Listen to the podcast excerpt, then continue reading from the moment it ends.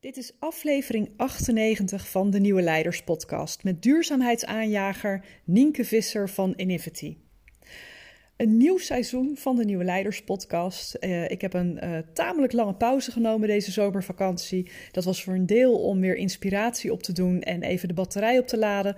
Voor een deel ook door de nood ingegeven. Ik heb mijn voet gebroken, ben al een paar weken wat minder mobiel en ook wat minder productief in die zin. Maar gelukkig zit daar inmiddels een uh, stevige opgaande lijn in. Dus vol goede moed gaan we weer aan dit nieuwe seizoen van de Nieuwe Leiders Podcast beginnen.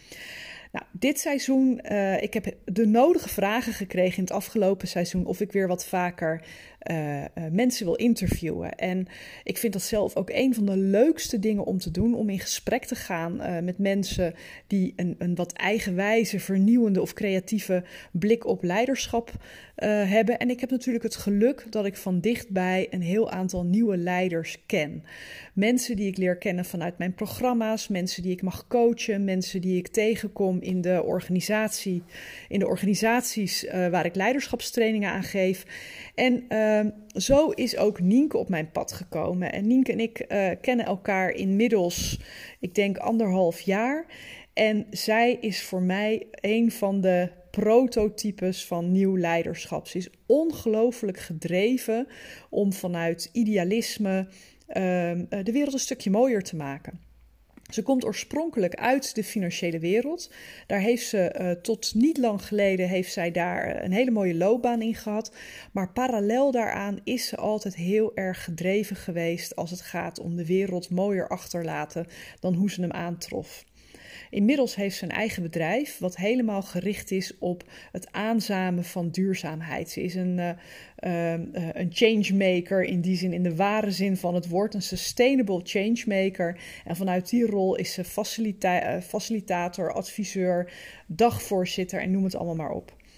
Nou, in deze aflevering uh, zal je ontdekken waarom zij een van de eerste nieuwe leiders is die ik uitnodig voor mijn podcast.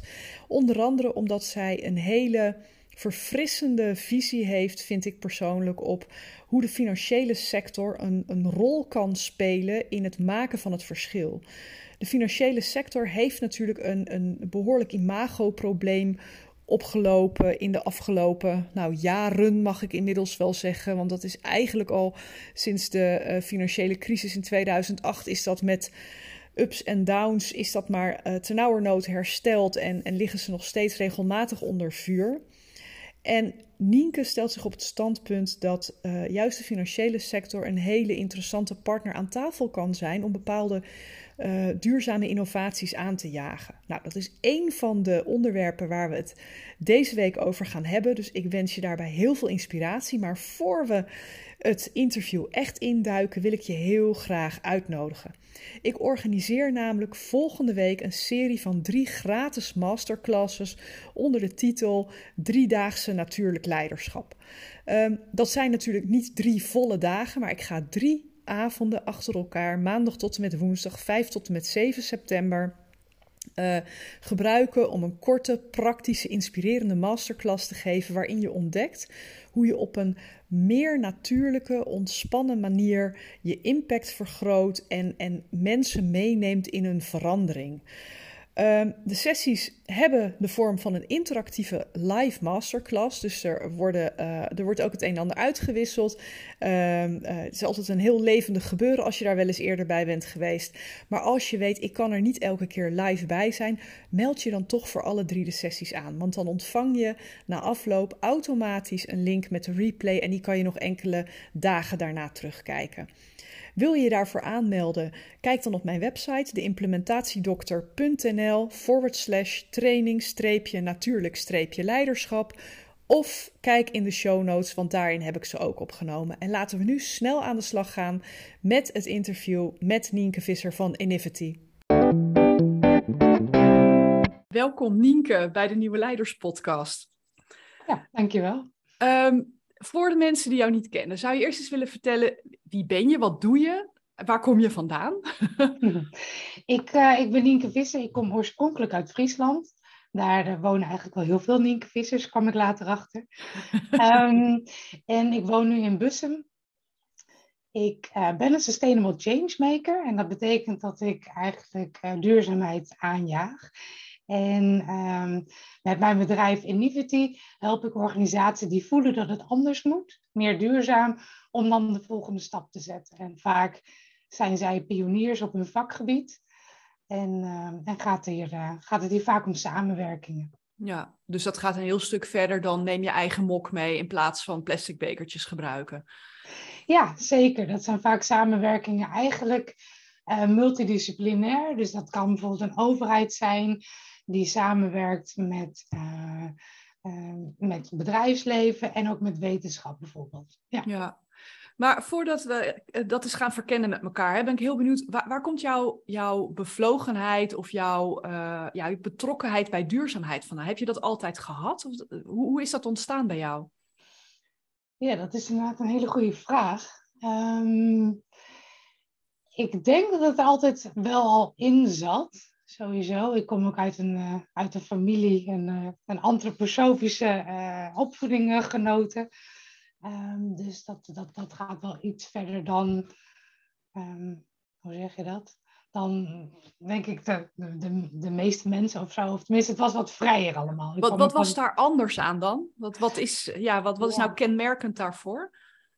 Uh, dat het eigenlijk heel erg gaat over uh, jezelf uh, kunnen zijn en willen zijn. En, en dat dat eigenlijk een soort van vrije opvoeding is. Ik kwam er eigenlijk pas achter dat het ook echt daadwerkelijk een naam had. Ik dacht dat mijn ouders mij gewoon altijd heel erg loslieten. En dat er eigenlijk gewoon weinig opvoeding achter zat. maar er zat ook echt gewoon een gedachte achter. En ik kwam er ook later achter dat er ook echt gewoon nou, echt hele scholen zijn. En dat het gewoon dat daar een heel gedachtegoed zeg maar achter zit. Dus dat, uh, dat... En, en hoe kwam je daarachter? Uh, we waren op zoek naar een eh, school voor mijn dochter. En hier in de buurt heb je een antroposofische vrije school. En ik ging er naartoe en ik kwam daar binnen. Ik denk, verrek.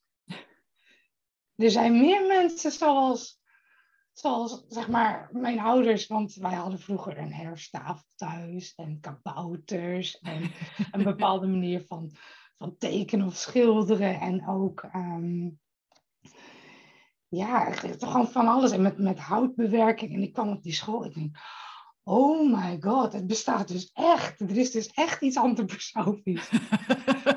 ik denk dat ik toen 29, 30 was of zo. Dus het heeft even geduurd. Het heeft even geduurd voordat, uh, voordat het kwartje viel.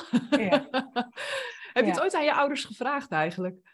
Nou ja, ik wist het wel. Mijn moeder die, had, die was die was, um, die deed de pedagogische academie en die was eigenlijk opgeleid voor juf voor de vrije school.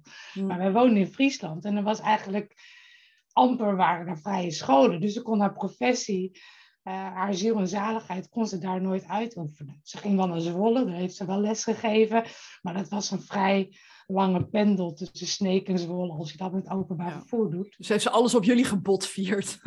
ja, blijkbaar. ja, ja, ja. ja. ja maar, maar daar zitten veel van die, hè, je zegt herfsttafel en allemaal hè, toch wel ook natuurlijke elementen. Heb je daar als kind, had je daar affiniteit mee met natuur? Komt het vanuit een liefde voor natuur of komt het nog heel ergens anders? Ja, ik, ik hield heel veel van buiten zijn. En uh, ja, we hadden geen auto, dus wij gingen vroeger op fietsvakantie. En dat was voor mensen die gewoon wel een auto hadden. Uh, van mijn vriendjes, vriendinnetjes, waarmee ik bijvoorbeeld op scouting zat, die waren wat rijker. Die vonden dat heel gek. En, maar dat was eigenlijk simpelweg omdat we daar het geld niet voor hadden. Maar later in, in mijn leven kwam ik erachter dat, dat fietsen en dergelijke vind ik echt heerlijk. Ik kan er echt van opladen. Ik, kan er echt, ik vind het heerlijk om buiten te zijn. Dus ja, veel dingen heb je dan wel meegekregen zonder dat je daar op dat moment bewust van bent. Want op dat moment denk je ook wel, ja, dat is eigenlijk misschien wel een beetje gek. Ja. Dat wij op de fiets op vakantie gaan. Waarom gaan we niet gewoon met een auto, net als alle anderen, weet je wel? Ja. Zo. Ja, maar goed, het heeft je dus blijvend iets gebracht. Ja, dus wel die connectie meer, dat, dat, dat, uh, die connectie met die natuur, zeg maar. Ja, ja. Dat, dat, brengt mij wel heel veel. Maar toen ben je heel wonderlijk uh, de financiële wereld gegaan. Je bent bij, ja, uh, bij, bij, de ING, of tenminste de eerste postbank gaan werken. Hè? Ja. Hoe, hoe, waar kwam dat vandaan dan? Want dat, dat, op een of andere manier kan ik dat nu nog even niet rijmen. Hoe je die financiële interesse en die antroposofische, meer natuurlijke, dat organische, hoe je dat op elkaar kan, uh, kan plakken. Ja, nou ja, dat heeft ook iets met puberteit en dergelijke te maken, denk ik. Want ergens werd het sociale leven ook ontzettend belangrijk. Toen is dat die natuurlijke kant is eigenlijk wat meer naar de achtergrond gegaan. Ehm, ik, ehm, ik, werk, ik deed toen mijn HBO-opleiding International Business and Management Studies. En daarnaast ja, had ik een, een bijbaan nodig. Ik verhuisde naar Leeuwarden. En uh, ja, bij de postbank uh, verdiende het gewoon heel erg goed. En dan zat je op een klantenservice. ja. Um, ja, met een soort van, nou, ik denk dat er honderd studenten zaten en tien vaste krachten of zo. Ik heb mijn man er trouwens ook ontmoet.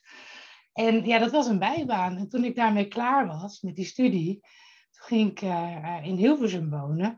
En toen wilde ik weer verder studeren. Uh, maar toen heb ik nog een jaar fulltime gewerkt. En dat was dus ING, werd dat op dat moment. Dat was eigenlijk omdat ik zo ontzettend goed in, ja, in, in, in dat, dat bellen, dat contact met mensen maken. Uh, ja, en dat technische had ik ook wel in me. En, en ja, die wilde mij gewoon heel graag hebben. Ja, dus je bent er eigenlijk een soort van ingerold en niet per se vanuit een affiniteit met de financiële wereld. Nee, maar de financiële wereld stond toen wel, begon toen te branden. Ja. Dus ja, en wat, wat, merkte, wat voelde jij daarvan? Wat, wat, wat merkte je of wat, wat vond je daarvan? Nou, de tijd dat ik dus, uh, ik, ik, ging toen daarnaast weer bij de UvA studeren, dus de Universiteit van Amsterdam. En uiteindelijk heb ik bedrijfskunde gedaan in de richting van strategie en duurzaamheid. En in die tijd heb ik mijn scriptie ook over duurzaam bankieren geschreven. Want ik snapte, ergens snapte ik het niet dat er waren al die rapporten, de, de maatschappelijk verantwoord ondernemen rapporten uit de financiële sector. En die waren allemaal fantastisch. Hele hoge ratings hadden die banken en die instellingen. Dow Jones Sustainability Index, heel hoog. Maar hoe kan het dan dat alsnog dan die credit crisis uh, ontstond? En, en die discrepantie, dat deed dat mij. Dat, dat snapte ik niet. En daar heb ik toen ook mijn scriptie over geschreven. Van hoe kun je daadwerkelijk serieus duurzaam bankieren? Um, in plaats van meer greenwashing-achtig of zo. Of heel, heel beperkt. Het was, ja. ja, er zat een heel groot gat. En dat is daarna ook een beetje jouw pad geworden, hè? Dat, dat leggen van die verbindingen, kan je daar eens iets over, over vertellen? Wat, hoe is dat gegaan? Nou, ik heb toen mijn scriptie gedaan voor de Nederlandse Bank en voor Rabobank en ING. Uh, nou, daar is wel echt iets, iets aangewakkerd als het gaat over duurzaamheid. En uh, op een gegeven moment ben ik bij ING ook echt van een duurzame zeg maar, pionier geworden. Dus ik was, uh, op een gegeven moment was ik een, um, een consultant. Um, ja, ik werd toen een black belt consultant. Ik had mezelf opgeleid dan in Ehm, eigenlijk in verduurzamen van operaties. Mhm. En daarnaast was ik dan een sustainability booster. En in die sustainability booster had ik vaak. Um, kwam ik met initiatieven die waren bankbreed of sectorbreed. Of die waren eigenlijk altijd groter dan het domein waar ik werkte. Ja, noem eens een voorbeeld. Nou, ik heb bijvoorbeeld meegewerkt, dat was in 2014, aan de cultuurkaart financiële sector. Uh, dat begon eigenlijk al eerder, maar in 2014 zijn we ook bij minister Dijsselbloem geweest. Die was destijds de minister van uh, Financiën. Mhm. En daar hebben we gepresenteerd hoe wij jonge mensen, en jonge mensen, dat is iedereen onder de 36 in dit geval, ja. uit de sector, uh, hoe wij ze vonden dat de financiële sector zou moeten zijn als het gaat om moreel kompas, om gedrag en, en waarden. En daar hebben we samengewerkt met meer dan 100 jongeren. Ehm, vanuit SNS, vanuit FMO, vanuit zeg maar, grootbanken, kleinbanken. En daar gingen we in gezamenlijkheid bepalen van ja, maar wat als wij de toekomstige leiders zijn van deze sector, hoe willen wij dan dat het is? En, en wat, kan je daar wat uit naar boven halen? Wat waren daar nu dingen die echt heel erg naar boven dreven bij die groep? In 2014 al. Ja. Uh, nou ja, waarmee, want het imago van banken is natuurlijk, nou ja, laat ik het even heel voorzichtig uitdrukken, best ingewikkeld. Het is best dubieus. Ja, al toen. Ja. Het lag ontzettend ja. onder vuur. Ik weet ook nog dat um, uh, wat daaruit kwam uit die, uit die kaart, dat wij niet zomaar met de media mochten praten. We mochten niet zomaar met BNR uh, Nieuwsradio of naar uh, Financieel Dagblad of naar de minister. We moesten echt een mediatraining en alles hebben om te zorgen dat het ja, het was zo'n gevoelige kwestie. Ja, maar wat, noem eens iets wat daaruit kwam. Wat waren nou de zorgen of de wensen van de jongeren? Is dat het echt walk the talk was. Want er werd zoveel gezegd over hoe dingen beter moesten en, en anders. En, maar dat het eigenlijk aan de ene kant werd de sector helemaal kapot gebombardeerd onder wet en regelgeving. Mhm. Het werd zo strikt dat mensen eigenlijk bijna niet meer mochten nadenken over, over, over hun werk. Want ze werden helemaal, ze waren alleen maar bezig met het verwerken van al die regels die, die dus op hen afkwam. Ja. En aan de andere kant wilden wij jongeren juist de dialoog aanwakkeren. Van jongens, het is niet allemaal zo zwart-wit. Je kunt het niet allemaal met de regels eh, vastzetten. Je moet juist gaan nadenken over integriteit, over betrouwbaarheid, over, ehm, over echt het gesprek met je klant aangaan. En als je er met je klant niet helemaal uitkomt, het gesprek aan durven gaan Mhm. met je collega's van joh, ik maak nu dit mee, maar ik heb dat onderbuikgevoel. Het klopt niet. Maar volgens de regels moet ik dat wel doen. Hoe gaan we hier nou mee om?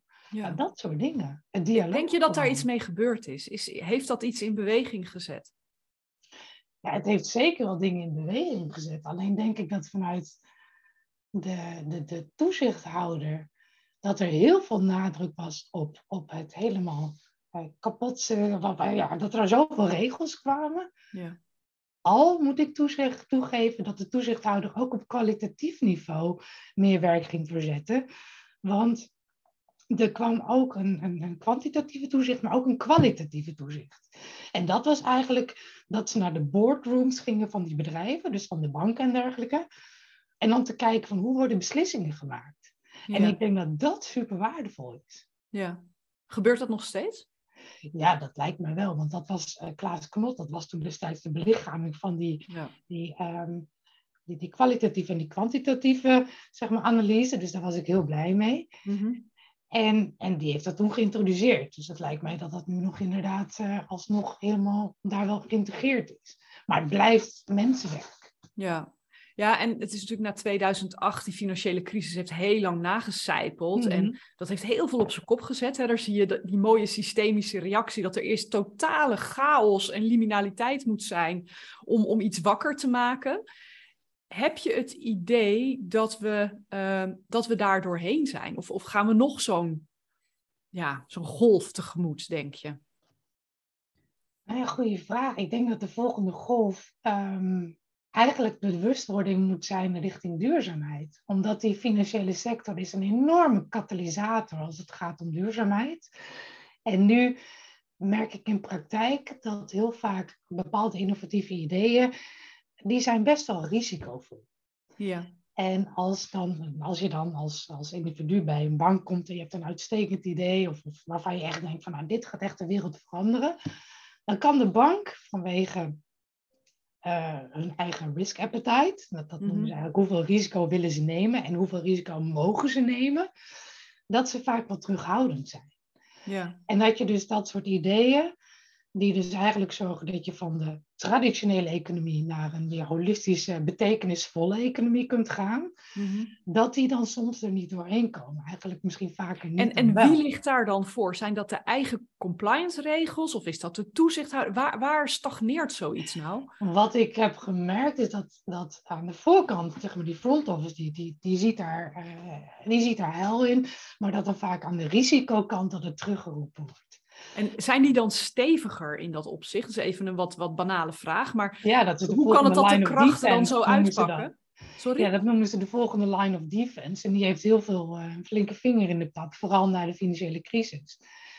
Ehm, maar wat je wel ziet, is dat de toezicht op, eh, op duurzaamheid, dus dat je dus ook het eh, vanuit Europa, dat er regels aankomen, bijvoorbeeld CS, eh, CSRD, dus de, eh, de directive die gaat over het rapporteren over je supply chains en dergelijke Mhm. dat dat steeds strikter gaat worden. En er zijn nu ook stresstests. Voorheen was dat echt op kredietrisico, maar die worden nu ook op climate risk gedaan. Dus het climate risk krijgt steeds meer ehm, ja, attentie, zeg maar. Ja, maar goed, dat klinkt weer als, hè, dan wordt er een stresstest op gedaan om te kijken wat de negatieve impact, maar dat is niet innovatie. Dat is Nee. kijken, eh, eh, eh, ver- het- verrichten we geen schade, of hoe zeg je dat? hè? Richten we geen schade aan met wat we aan het doen zijn, maar andersom wil je juist expansie. Kan, kan je iets vertellen over, over Green Circles? Want dat is een van, jouw hè, van jouw passies, mag ik bijna zeggen. Mhm. wat, wat, is het? Hoe is dat op je pad gekomen en, en hoe zie jij de financiële sector daarin? Ja, nou Green Circles, ik heb uh, eh, ING is een van de, dat is het bedrijf waar ik vroeger heb gewerkt dus, die, uh, die, um, die is eigenaar van een bedrijf, of mede-eigenaar, en dat bedrijf is Zero Mission Services. En uh, Zero Mission Services is eigenlijk ontstaan uit een samenwerking. Want het was in 2013, was Heineken, die had een, een, duurzame droom en die wilde zijn hele brouwerij klimaatneutraal hebben. Nou, om dat te doen hebben ze die droom gedeeld met een heel groot publiek. En uh, in dat publiek zat ook onder andere de provincie Zuid-Holland en Wageningen Universiteit. En die waren zo gecharmeerd van, dat, van die droom dat ze eigenlijk mee wilden doen. Dus ze gingen meewerken aan die droom en ook toevoegen aan die droom. Mhm. En toen is een samenwerking ontstaan en dat heet Groene Cirkels. En dat, zijn, dat is overheid dat samenwerkt met bedrijfsleven en met wetenschap. En de, de kracht van Groene Cirkels is, is dat toen kwamen er steeds meer partijen die gingen meedoen. En uh, wat eigenlijk gebeurde is dat er eigenlijk subcirkels ontstonden. Dus eentje die ging bijvoorbeeld over uh, energie, duurzame energie. De ander ging over uh, de, de bijensterfte, om dat tegen te mhm. gaan. De ander ging over emissieloos varen. Dus de hele supply chain van Heineken die ging eigenlijk gewoon echt onder de loep. En mensen gingen samenwerken. En wat de kracht nou is, is dat ehm, door die samenwerking en eigenlijk door die gezamenlijke droom, mhm. kunnen mensen verder kijken dan hun eigen, hun, eigen eilandje, hun eigen interesse, interest, zeg maar. En kunnen ze naar een gezamenlijke droom toe werken met gezamenlijke doelen en gezamenlijke stappen. En toen in 2020 is uit die subdroom over emissieloos, emissie, emissieloos goederenvervoer is een bedrijf ontstaan en dat bedrijf heet Zero Mission Services. En um, die richt zich dus op emissieloos varen. Ja, binnenvaart bedoel je dan? Of ook over de, over het, ook de grote vaart? Nee, dit is binnenvaart. Dus dat is, uh, maar ik ben ook bezig met, uh, met duurzame zeevaart. Maar ik heb dus een jaar voor dat bedrijf gewerkt. Dus bij Zero mhm. Mission Services. Uh, ik was vanuit ING, hè, zat je daar? Ja, ja ik mhm. was daar gedetacheerd vanuit ING. En ik was daar de rechterhand van de CEO, dus ik was verantwoordelijk voor de hele interne organisatie, uh, ja, teamontwikkeling, uh, ja, finance, ja, noem het maar op. Ja, en het is gelukt, hè? want er vaart nu dus een, een, een binnenvaartschip, volledig emissieloos, met Heineken, met Heineken bier. Ja, ja dat is heel gaaf. Ja, dat was vorig jaar september, toen, uh, toen ging het schip ging varen. Dat is de Alphenaar van Heineken. En die vaart elke dag tussen Alphen aan de Rijn uh, en, en Moerdijk. Ja, dus en die vaart, ja, dat is, een, dat is zo'n heel groot uh, ja, containerschip, die vaart daar. En die heeft dus twee uh, containers aan boord. En die containers zijn gevuld met batterijen en met technologie en, uh, en brandblusapparatuur. En daar vaart hij op, op duurzame energie, zon en wind uit Nederland. Mooi. Is, is daar al perspectief op dat dat meer gaat worden? Ja, want Zero Mission Services heeft denk dat in maart, april heeft het ook 50 miljoen toegewezen gekregen aan subsidie vanuit het Groeifonds.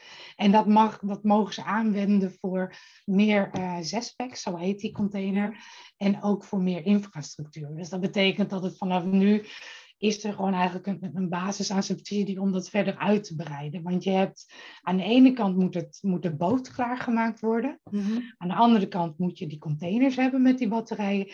En je moet natuurlijk een laadpunt hebben. En dat, zijn dan die, dat is dan die infrastructuur waar ik het over heb. Ja. ja, dus dat helemaal transformeren voor de hele binnenvaart. Daar, daar gaat nog wel wat tijd overheen, zeg ik. Uh, ja, zeker, zeker. Maar ja, dat, dat, is, dat kan nu juist versnellen. Ja, nou ja het is altijd mooi. Als... die is super geïnteresseerd bijvoorbeeld. Ja, het is altijd mooi als iets een keer gedaan is, dat mensen zien dat het kan. Het is hetzelfde als de eerste persoon die de marathon onder een bepaalde tijd uh, uh, wist neer te zetten. Daarna gingen heel veel mensen doen, omdat eenmaal er was iets opengebroken. Er is iets in het bewustzijn van zo kan het ook. Dus ja.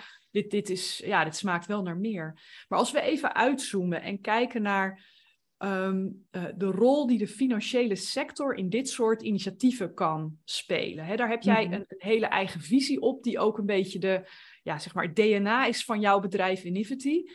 Wat, wat, wat voor kansen liggen er voor de financiële sector om daar een, een duurzame rol in te pakken, wat jou betreft? Nou ja, kijk, als je kijkt naar de financiële sector, wat heel erg speelt naar de crisis, is eigenlijk risico bijvoorbeeld. Hè? Dus, dat, is dat, uh, dus banken zijn per definitie nu meer risicomijdend. Maar wil je dat risico doorbreken, dan kun je dat doen door te samenwerken. Want als jij verschillende partijen uit de hele keten met elkaar verbindt, of uit een industrie, en je gaat in gezamenlijkheid zo'n droom realiseren, dan kun je ook de risico's delen. Mhm. Dus een financiële sector zou heel goed kunnen zijn om die risico's in kaart te brengen. Mhm. Als je risicomijdend bent, betekent dat je heel veel weet van risico's. Ja. Dus je kunt die partijen helpen van, oh maar wacht, hier zit in jullie droom, als ik de kritische pet op, mee, doe, dan kun je zien van, ah, hier zitten dus heel veel risico's, daar moeten we iets mee. En de partijen die daar dus ehm, daar de meeste expertise in hebben, die kunnen bijvoorbeeld besluiten, nou dan pak ik dat risico op me. Ehm, en zo'n bank kan dan relatief neutraal dan uh, investeren ook daarin. Ja. Of kan helpen met nieuwe uh, investeringsmodellen. Mhm. Zoals bij Zero Mission Services. Het betaalconcept is niet dat de scheepseigenaar die grote batterijcontainer betaalt. Nee, dat doet Zero Mission Services. Maar de scheepseigenaar betaalt alleen maar voor de energie die hij gebruikt. Dus die pay per use. Nou, dat is iets waar je geen over nagedacht had op dat moment. Van hey, dat is een nieuw concept wat je heel goed in de markt kunt zetten.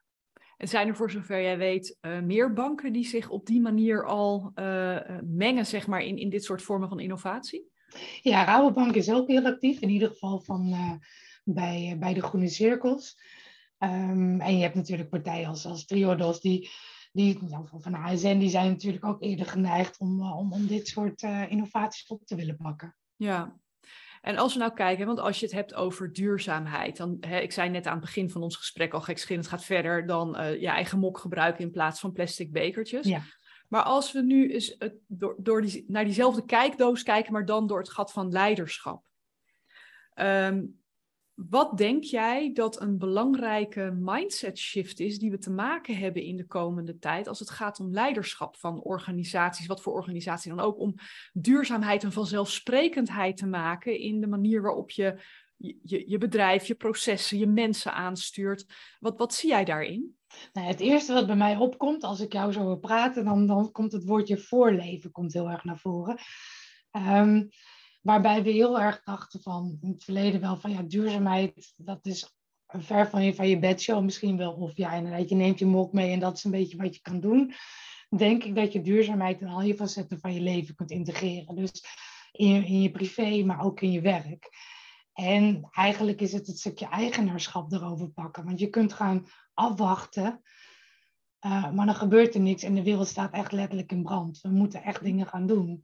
Ja. Dus het is eigenlijk meer van ga het zelf voorleven en ga het gewoon durven en zoek mensen waar je, mee, waar je dat mee durft. Waar je dat gewoon, waar je goed mee voelt. En waar je dan in gezamenlijkheid dan ook ideeën kunt uitwisselen. Of uh, zorgen ervoor dat in dat groepje dan mensen bijvoorbeeld boeken lezen erover of meer informatie ophalen en dat je dat met elkaar dan uitwisselt. Ja. Zie je dat al gebeuren? Nou, er is bijvoorbeeld een heel mooi boek, dat heet dan Verborgen Impact van Babette Porcelein. En zij heeft ook een, een website daarover. Daar kun je gewoon een test doen. En in die test kom je er dus achter van, goh, als iedereen zou leven zoals jij, dan zouden we zoveel aardes uh, per jaar nodig hebben. Uh, en dan kun je dus heel goed zien hoeveel impact jij zelf maakt. Mm En dat is bijvoorbeeld een goede, goed startpunt. Want op het moment dat je dus eerst naar jezelf kijkt, dan krijg jij zoveel inspiratie om uiteindelijk op je werk, uh, op school, in, je, in je familiesfeer, in de politiek, um, bij wijze van je pensioenfonds of wat dan ook, om daar, daar kun je dan uit putten. Daar krijg je inspiratie voor om ook daar eens naar te gaan kijken. Van goh, maar hoe kan ik dit nou ook in mijn werk bijvoorbeeld meenemen? Ja, ja, want ik heb het idee hè, dat eh, op dit moment, als je door je LinkedIn-timeline heen gaat, er, er is heel veel urgentiebesef inmiddels. Ja. Er zit heel veel emotie omheen, maar ook heel veel ja, heigerigheid, even in mijn woorden.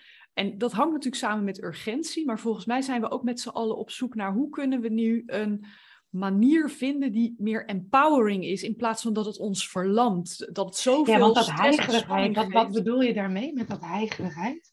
Um, uh, ik vind dat er heel veel uh, polarisatie is rondom het thema. Mm -hmm. Hè? als je alleen al kijkt naar het stikstofdebat, zie je uh, ja. alle tweede kampen heel sterk vertegenwoordigd. Hè? En, en we zijn elkaar met feiten aan het bestoken daarin. Terwijl ondertussen, hè, het is, we zijn, met z'n allen naar die brandende aarde aan te kijken. We zijn aan het kijken, ja, maar wie moet er nu blussen? Nee, jij moet blussen. Nee, jij moet blussen. Weet je, dat ja. is echt een beetje Er dat. is een derde weg. En eigenlijk moeten we meer naar die derde weg. Ja. Hoe ziet die derde weg voor jou eruit? Nou, die derde weg ziet er voor mij uit dat je in ieder geval in gesprek gaat met elkaar. En dat je, uh, dat je dus manieren gaat zoeken hoe het dan wel kan. En zo was ik bijvoorbeeld um, een paar weken geleden was ik dan gastspreker bij de UvA, de Universiteit van Amsterdam. En toen dacht ik ook, want ik zit natuurlijk wel best wel een beetje in een groene bubbel. Hè? Ja. En om uit die bubbel te komen, ben ik eerst maar eens gaan vragen aan de mensen in het publiek van joh, hoe zien jullie dat nou, de klimaatverandering? En wat denken jullie dat er gebeurt?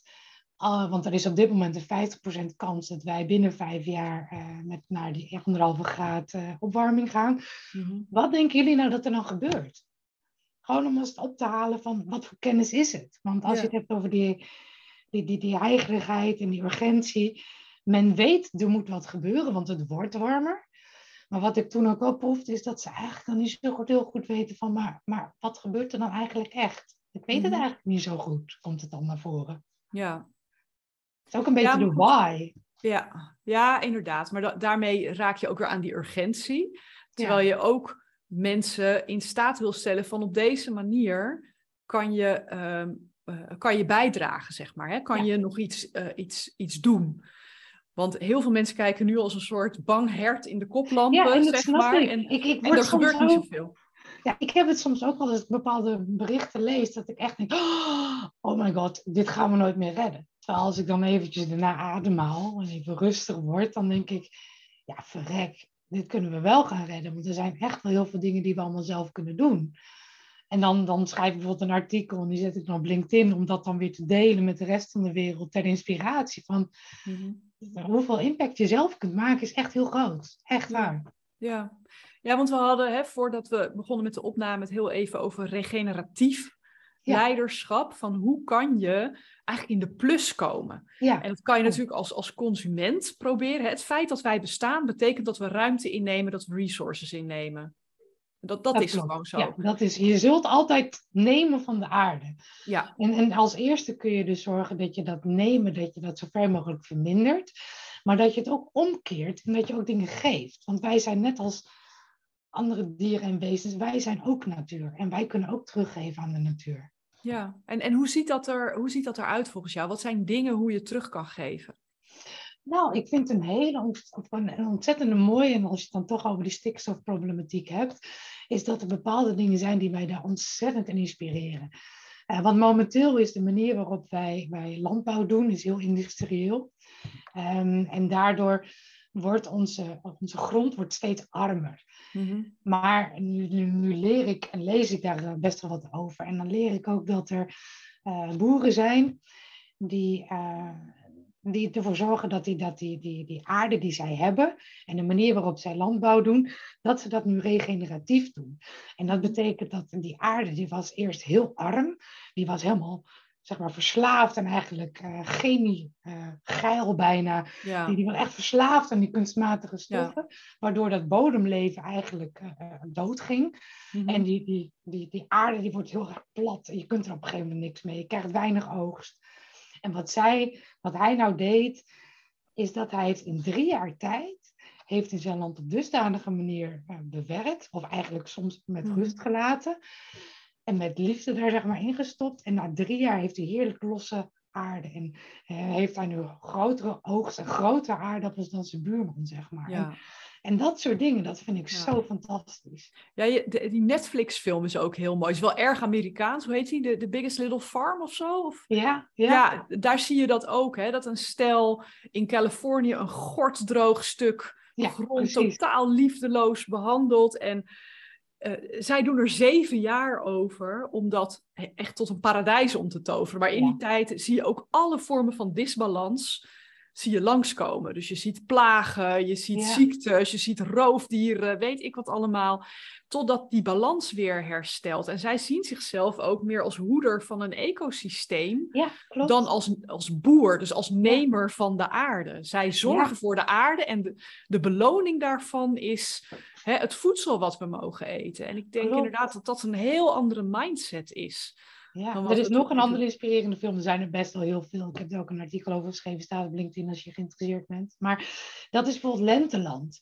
En bij Lenteland, in, in die film die daarover gemaakt is, wordt ook wel gezegd van, joh, hoe meer ik het eigenlijk met rust laat, hoe meer de schimmels en het bodemleven eigenlijk zijn werk kan gaan doen. En hoe meer er meer symbiose is eigenlijk. Want er is heel veel contact in die onderwereld met, met planten, met bomen. Die gaat heel ver. Ja, die schimmeldraden, die, die communiceren ook op manieren die zo rijk zijn. Dat is echt, uh, daar kunnen wij nog heel veel van leren. Ja, ja en dat is alleen maar die aarde. Dus dat is alleen maar het landbouwstuk. Dus daar, daar kunnen we al beginnen. Dus door, het, door de keuze te maken om bijvoorbeeld biologisch of, uh, te kopen... of vanuit zo'n zo'n boer die dan in de omgeving zo, zo boert maak je al een ontzettend groot verschil. Ja. Hey, en als we die eens op een wat filosofischer niveau pakken en denken van zoals het, landbouwgrond een ecosysteem is, zo zijn organisaties ook een ecosysteem. Kunnen we dat soort principes volgens jou ook op leiderschap toepassen? Eh, dus no dig, dus niet te veel zitten, zitten vroeten in je personeel, maar kijken van wat, wat doen ze van nature. Uh, nou ja, je kan daar helemaal wild in gaan van hoe je regeneratief leiderschap in de praktijk brengt in organisaties. Dat is een grote vraag, besef ik, maar het is wel mooi om daar heel even een, een klein ja, over wel mooi, want, het, uh, want ik kom uit een, uit een cultuur, zeg maar, dat is de bankaire cultuur, waar elke twee jaar je een reorganisatie hebt. En reorganisatie is eigenlijk ook een soort van uh, verandering. Hè? En, en, en eigenlijk is er niet zo stabiel in het leven als verandering. Dus, dus het hoort er nou eenmaal bij. Maar de manier waarop die verandering ingestoken was, was heel vaak vanuit een kostenbesparende optiek. Terwijl in mijn optiek denk ik dat uh, de gemiddelde reorganisatie meer schade veroorzaakt dan dat het geld oplevert. En dat mhm. er hele andere manieren zijn om daadwerkelijk daar uh, om op een slimmere manier je bedrijfsvoering te kunnen doen. Ik denk dat dat wel heel erg resoneert bij wat je net zei. Dat ik denk dat regeneratief is het meer van wat wil daar ontstaan bij je medewerkers? Wat wil Waar zijn ze goed in? Uh, waar kun je ze nog helpen te ontplooien? En het moet ook niet te soft worden. Hè? Je moet ook nee, maar stel dat het een moestuin is, zou je ook kunnen denken: hoe kunnen we andere combinaties bij elkaar plaatsen? zodat het elkaar versterkt of zo, weet je wel? En, en, we denken al heel snel inderdaad van: nee, we gaan snijden en mesten. Hè, dus uh, mesten zie ik dan even als we gaan heel veel opleidingen inpompen en weet ik wat allemaal. We gaan snoeien. En we gaan heel veel duwen, want het moet allemaal precies op die manier. Ja, dus het moet allemaal in dat hokje. Ja. Wel, wat ik heb gemerkt in mijn werk, als je dan mensen bij elkaar bracht, die, eh, die bijvoorbeeld met elkaar eigenlijk een, een proces waren. Hè. Er, komt, er komt een verzoek van iemand en er eindigt iets, er komt iets uit. En daartussen kenden elkaar, mensen elkaar eigenlijk vaak helemaal niet, want het ging de hele bank door.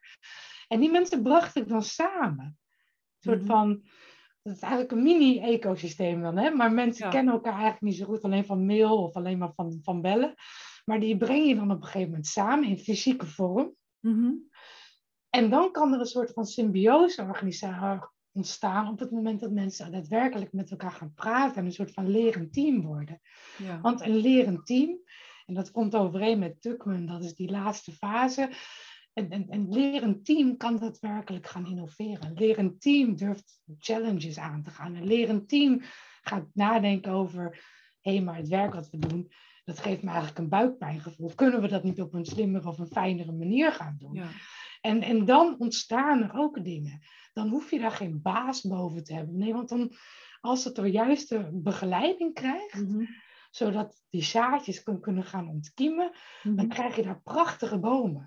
En eigenlijk is dat jouw werk, hè? Eigenlijk ben jij gewoon een organisatieboerin. Ja.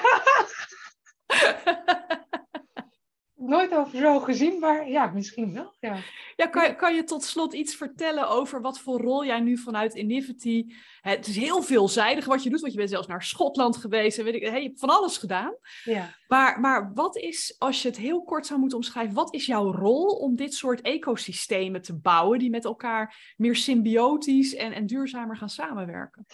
Ja, mijn rol is eigenlijk het, het, het samenbrengen van die, van die partijen. En dan Ehm, ja, die mensen dan samen gaan kneden of zo. Dat, het, dat, het, dat daar iets, iets gaat ontstaan. Dus wat, wat vooral de kracht is, is die, is die communiceren, is het, het, het samenbrengen van mensen om iets moois te doen opbloeien. Ik weet niet, ik kan er niet zo heel goed woorden aan geven. Nou ja, als ik hem naar die metafoor uh, van, van wat er onder de grond gebeurt uh, doe, dan ben je eigenlijk die schimmeldraden aan het leggen die met elkaar communiceren. Dat ook al staan ze niet fysiek in elkaars nabijheid. Ja, dat ze op, op, op dezelfde manier gaan trillen, als het ware.